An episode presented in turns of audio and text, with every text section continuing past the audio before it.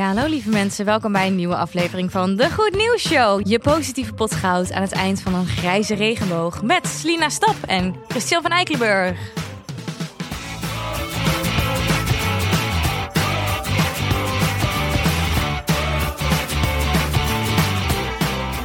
Hi Chris. Hoi, daar zijn we weer. Zijn we weer, het is dinsdag. Ja, Heb je al geboekt voor de Clubwalk? Nee, nog niet. Nee, kan niet. Nee, jammer. Ja, sorry. Ja, maar ik- als het had gekund, was ik gegaan. Maar waarschijnlijk is het uitverkocht op dit moment. Ja, waarschijnlijk wel. Heb je goed nieuws voor mij ik, vandaag? heb, ik heb heel goed nieuws. En dat is namelijk dat je eh, eh, normaal... eh, Het is een beetje ingewikkeld om uit te leggen, maar ik ga proberen om het zo goed mogelijk te doen. Oké, je hebt dus eh, zeg maar autobiografische gebeurtenissen. Die zitten in je hoofd geprent. Maar het schijnt dus dat bijvoorbeeld door een foto te zien of verhalen te horen... of eh, ehm, kan je dus daarbij kan je valse herinneringen toevoegen. Waardoor als je, stel je wordt ondervraagd voor een onderzoek... dan kloppen je zinnen niet meer. Of dan klopt, klopt je verhaal niet meer. Omdat je namelijk door buitenaf zoveel prikkels hebt... andere prikkels hebt gehad...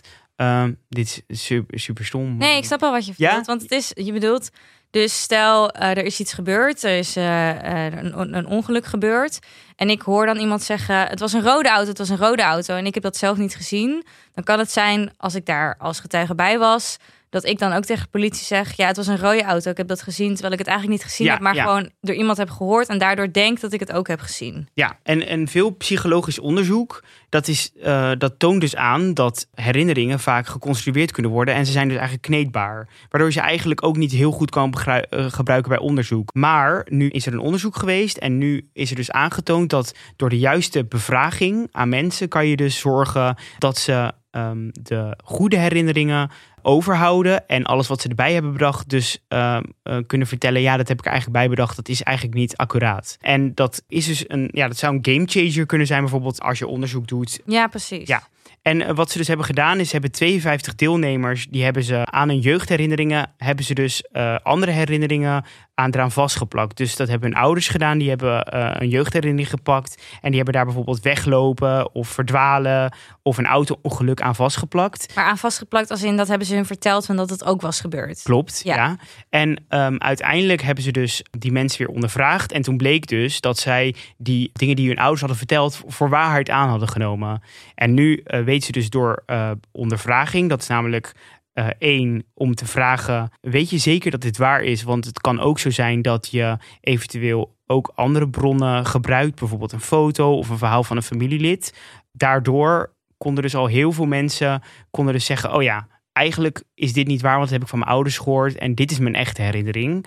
En de tweede strategie is dat als je vier keer dezelfde verklaring aflegt, dan wordt die verklaring die je aflegt en waar je eerst dingen niet zeker weet, eh, wordt uiteindelijk dat ook waarheid. Dus, en dus uiteindelijk door dat te vragen, konden die mensen dus ook heel goed herinneringen weer terughalen eh, naar de oude herinneringen. En alles wat fake was, dat konden ze dus eh, aantonen. Ja, dus eigenlijk al je uitspraken, die kun je veel beter op waarheid toetsen. Zeker. Ja. En dit is dus supergoed, want ja, soms zijn er bijvoorbeeld onderzoeken of rechtszaken waarin het bijvoorbeeld alleen maar gaat en er is geen bewijs, alleen het menselijke bewijs. Ja, getuigen. Getuigen, dan is het dus supergoed dat deze mensen eh, dus eigenlijk op die manier een goede getuigenis kunnen afleiden. En die is veel waardevoller dan een getuigenis die je niet zeker weet. Ja, precies. Ja. Oh, dat is wel echt heel goed nieuws. Het doet me denken aan een eh, podcast die ik een tijdje geleden heb geluisterd.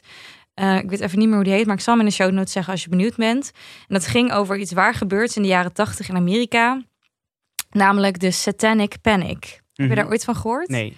Nou, eh, even in het kort. Het was een, een vrouw, een, een stel met twee kinderen. en die gingen scheiden. En die vrouw, maar die vrouw die had borderline en schizofrenie. En die had dus zelf op een gegeven moment bedacht dat haar kinderen door haar man, waarmee ze dus ging scheiden, soms werden meegenomen naar een satanische cult. Dat had zij Mhm. zelf gewoon in haar hoofd eh, bedacht. En in dat moment was het ook al een beetje gaande in eh, Amerika dat, dat mensen het idee hadden dat er satanische cults waren. Dus zij was helemaal in paniek naar het politiebureau gegaan en vertelde van, nou, mijn kinderen die zijn die satanische cult. Eh, en zij praatte ook heel erg met die kinderen daarover, dus satanische secte bedoel ik met cult, over wat zij dan zou hebben meegemaakt die avond en Terwijl het was allemaal gewoon niet waar, maar omdat zij zo op kinderen inpraten dat dat wel waar was. En die politie op een gegeven moment ook dacht dat het waar was, dus die kinderen op een bepaalde manier gingen verhoren, waardoor zij wel ja of moesten zeggen, Ja, was op een gegeven moment dus een soort idee dat die kinderen bij een satanische secte waren door die vader. Maar op een gegeven moment ook de kinderen op de basisschool, de kinderen op de crash. Op een gegeven moment werden allemaal ouders werden veroordeeld ja. om bij een satanische secte te zitten, wat gewoon echt bizar is. Alleen omdat die ene gekke vrouw dat ooit in de kinderen hun hoofd had geplant en daardoor de politie dat gelooft en die toen op die manier al die kinderen ging ondervragen en die dus dan maar dachten, oh ja, misschien is dat wel ja. gebeurd. Want het was helemaal niet gebeurd.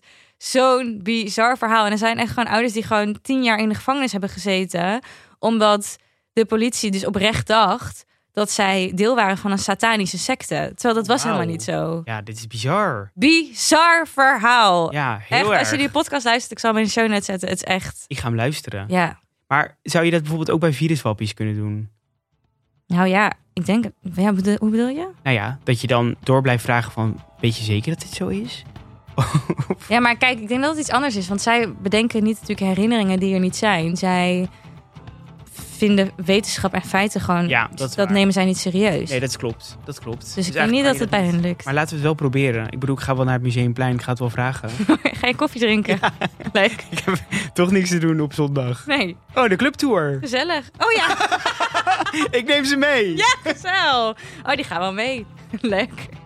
Nou, vond je dit nou een leuke podcast? En ben je viruswappie en denk je, ik wil met Chris mee naar die Ga clubtour? lekker mee, ga lekker mee joh. Eh, dan kan je ons volgen op Instagram. Je kan ons een mail sturen op de goednieuwsshow.gmail.com. En je kan ons steunen door middel van een kleine donatie op de Vriend van de Show pagina. En wat vooral ook goed is, eh, vergeet niet te abonneren op onze podcast op Spotify of je favoriete podcast app.